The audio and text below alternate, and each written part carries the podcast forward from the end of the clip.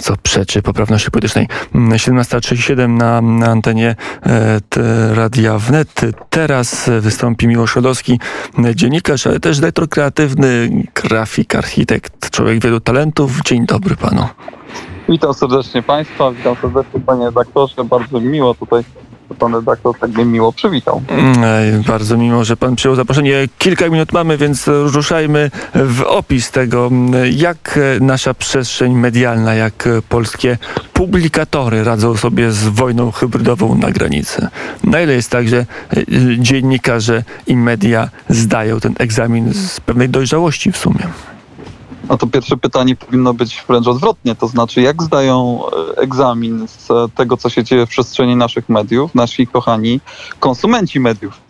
E, bo ja myślę, że media to raczej e, dostosowują swój przekaz nie tylko do jakby zadań swoich, czy, czy, czy elementów, w których są zadaniowane, ale również do tego, na ile sobie mogą pozwolić przy pewnej mediosterowności społeczeństw. Więc jeśli społeczeństwo jest mało mediosterowne, no to dziennikarze e, są w stanie mało manipulować informacją. Jeśli jest bardzo mediosterowne i dodatkowo jeszcze ma łatwo wzbudzić pewnego rodzaju emocje albo, albo ma podwyższoną emocjonalność z różnych przyczyn, przyczyn wynikającą, no to wtedy znacznie łatwo e, okay, ale wpłynąć na, na Myśli pan, że media tak prosto reagują? Konsument produkt, klika się to, więc piszemy o tym. Z mojego doświadczenia jest jednak inaczej. To jest bardziej skomplikowane. Media mają swoje priorytety, mają swoje pomysły, nawet swoje idee i czasami je starają się szerzyć niezależnie od tego, na ile coś się medialnie sprzedaje.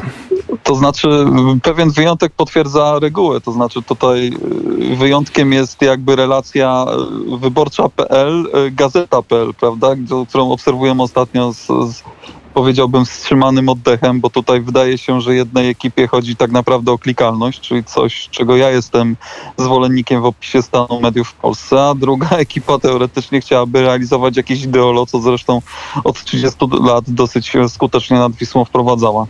Mm, Więc jeśli, jeszcze... jeśli, tak podchodzić, no to być może dochodzi do pewnego rodzaju twórczej syntezy w mediach i, i tutaj akurat dzięki temu, że, że, doszło do tego konfliktu, to mleko się wylało i wszyscy obserwujemy, jak kiełbasa jest robiona od, od podstaw. Dobrze, to z jednej strony media, do, druga strona barykady, y, rząd. Na ile rząd radzi sobie zarządzając tym kryzysem w mediach społecznościowych, a na ile e, to przestrzeń opanowała, mm, e, opanowały białoruskie służby?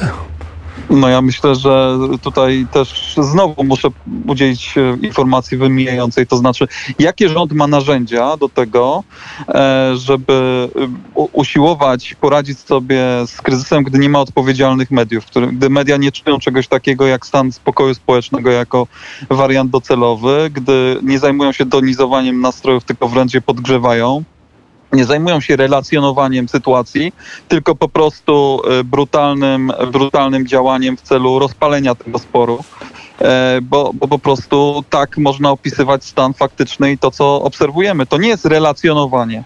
E, zresztą ostatnia sytuacja z, z, ze zdjęciami, z tym, co się w zdjęciach e, z, obserwowaliśmy w, w, dzięki przypadkowej e, wrzutce, zdaje się, greckiego, greckiego, greckiego dziennikarza, mieliśmy możliwość obserwowania właśnie sytuacji dosyć nieoptymalnej, to znaczy dziennikarzy przy pracy, rzucanie cukierków i słodyczy do dzieci celu osiągnięcia efektu, efektu medialnego, który potem skutkował znacznie lepszymi e, zdjęciami, prawda? No właśnie mniej więcej e, to jest właśnie sytuacja nieoptymalna, o której, o której mówiłem.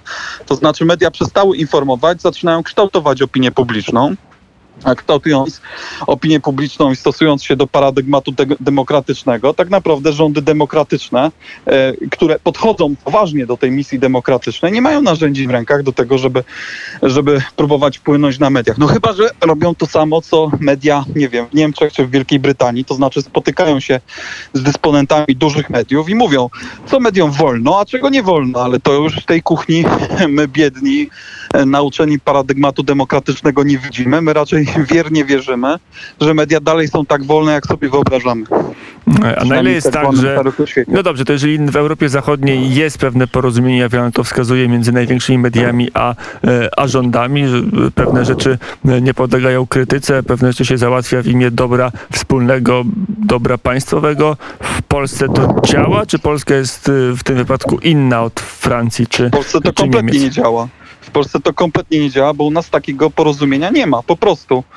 U nas y, hmm, jakakolwiek próba wpłynięcia na media w celu ich racjonalizacji czy racjonalizacji postaw mm, spowodowałaby jeszcze większą wojnę medialną, bo u nas media są graczem na, na, na wojnie na wojnie e, hybrydowej. Po prostu są graczem. To, są, to jest element e, tak naprawdę sceny, czy, czy powiedziałbym nawet strona, czy, czy aliant tych, którzy atakują polski rząd akurat w tej sytuacji, czy atakują elementy, które są związane z interesem naszego państwa. Więc to jest największy problem, że, że u nas e, nie jesteśmy w stanie, ponieważ nie kontrolujemy e, przekazu, mówię od strony rządowej, prawda, e, ale też powiedziałbym pewnego interesu państwa.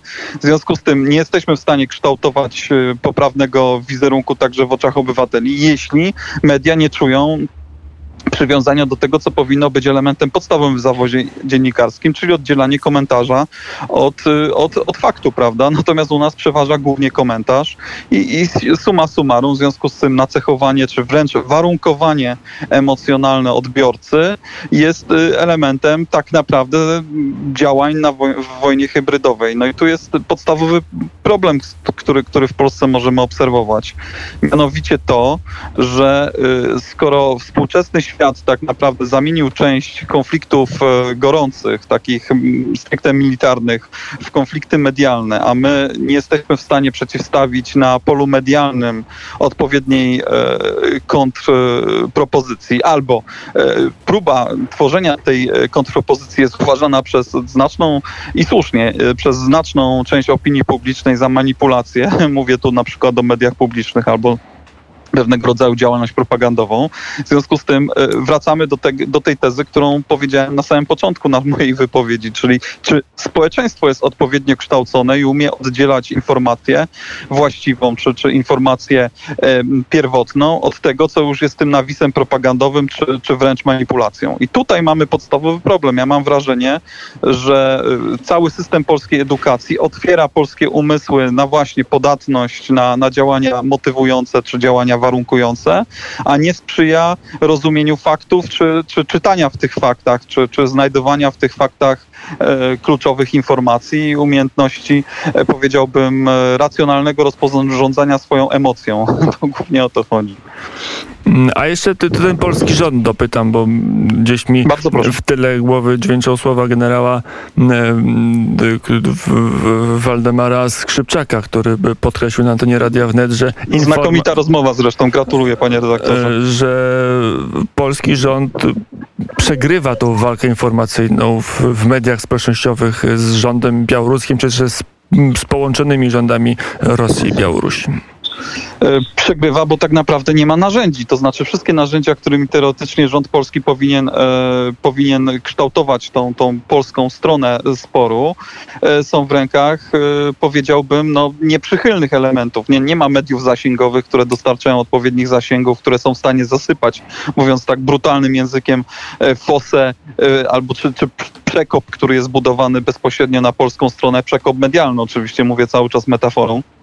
Więc, więc posługując się językiem e, czysto militarnym, no powinniśmy tak naprawdę równolegle z siłami konwencjonalnymi, prawda, czyli unowocześnianiem polskiej armii w sferze nawet cyfrowej, ale, ale, ale przede wszystkim tej, tej sferze zakupów broni, powinniśmy równolegle rozwijać działalność militarną w sferze informacji, bo media także są bronią. No skoro, skoro y, działalność mediowa czy, czy informacja jest współczesnym placem boju, bo tutaj się toczą wojny e, zastępcze, czy wojny hybrydowe, czy wojny o wizerunek, bo wizerunek też jest elementem, e, powiedziałbym, kluczowym w biznesie, a skoro jest elementem kluczowym w biznesie czy, czy w polityce, to, to staje się elementem podatnym na, na agresję.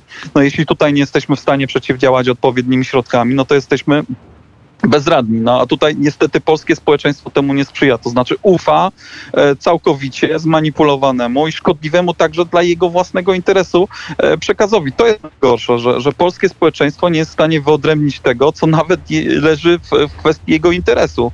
I to jest, e, no ale to 30 lat manipulacji i skutecznego e, kształtowania, powiedziałbym, umysłów i otwierania ich raczej na, na mm, przekaz propagandowy chyba temu sprzyja. Wcześniej jeszcze mieliśmy 50 lat życia w, w, w systemie, który także nie sprzyjał, e, powiedziałbym, budowie takiej bezpiecznej, e, bezpiecznej enklawy dla, dla właściwej czy, czy pra, pra, prawidłowo kształtowanej informacji. No ale wtedy przynajmniej widzieliśmy tego prawdziwego wroga. On był widzialny. Teraz wróg jest niewidzialny, właśnie jest w przestrzeni informacji, posługuje się subtelną, e, subtelną modyfikacją czy, czy kłamstwem wręcz I, i w sytuacji, w której nie jesteśmy w stanie odróżnić fikcji od faktu, no stajemy się e, po prostu całkowicie podatni i wręcz bezradni. Mm, Powiedział Miłosz Rodowski, e, dziennikarz, ale też dyrektor kreatywny. Nie, dziennikarz raczej nie, raczej komentator, bo, bo właśnie ja się Komentator. zajmuję przekazem, tak. komentator i dyrektor kreatywny e, w, w kilku przedsięwzięciach i z nowych technologii, i tych bardziej tradycyjnych. Dziękuję bardzo za rozmowę. Dziękuję serdecznie, pozdrawiam Państwa. I do usłyszenia na zegarach 17.48. E, Za chwilę nastąpi kalendarium historyczne, bo Krzysztof Jabłonka już gdzieś krąży dookoła studia. Nie wiem, kiedy się objawi, ale mam nadzieję, że niedługo. Ale czekając na historię, czas na muzykę.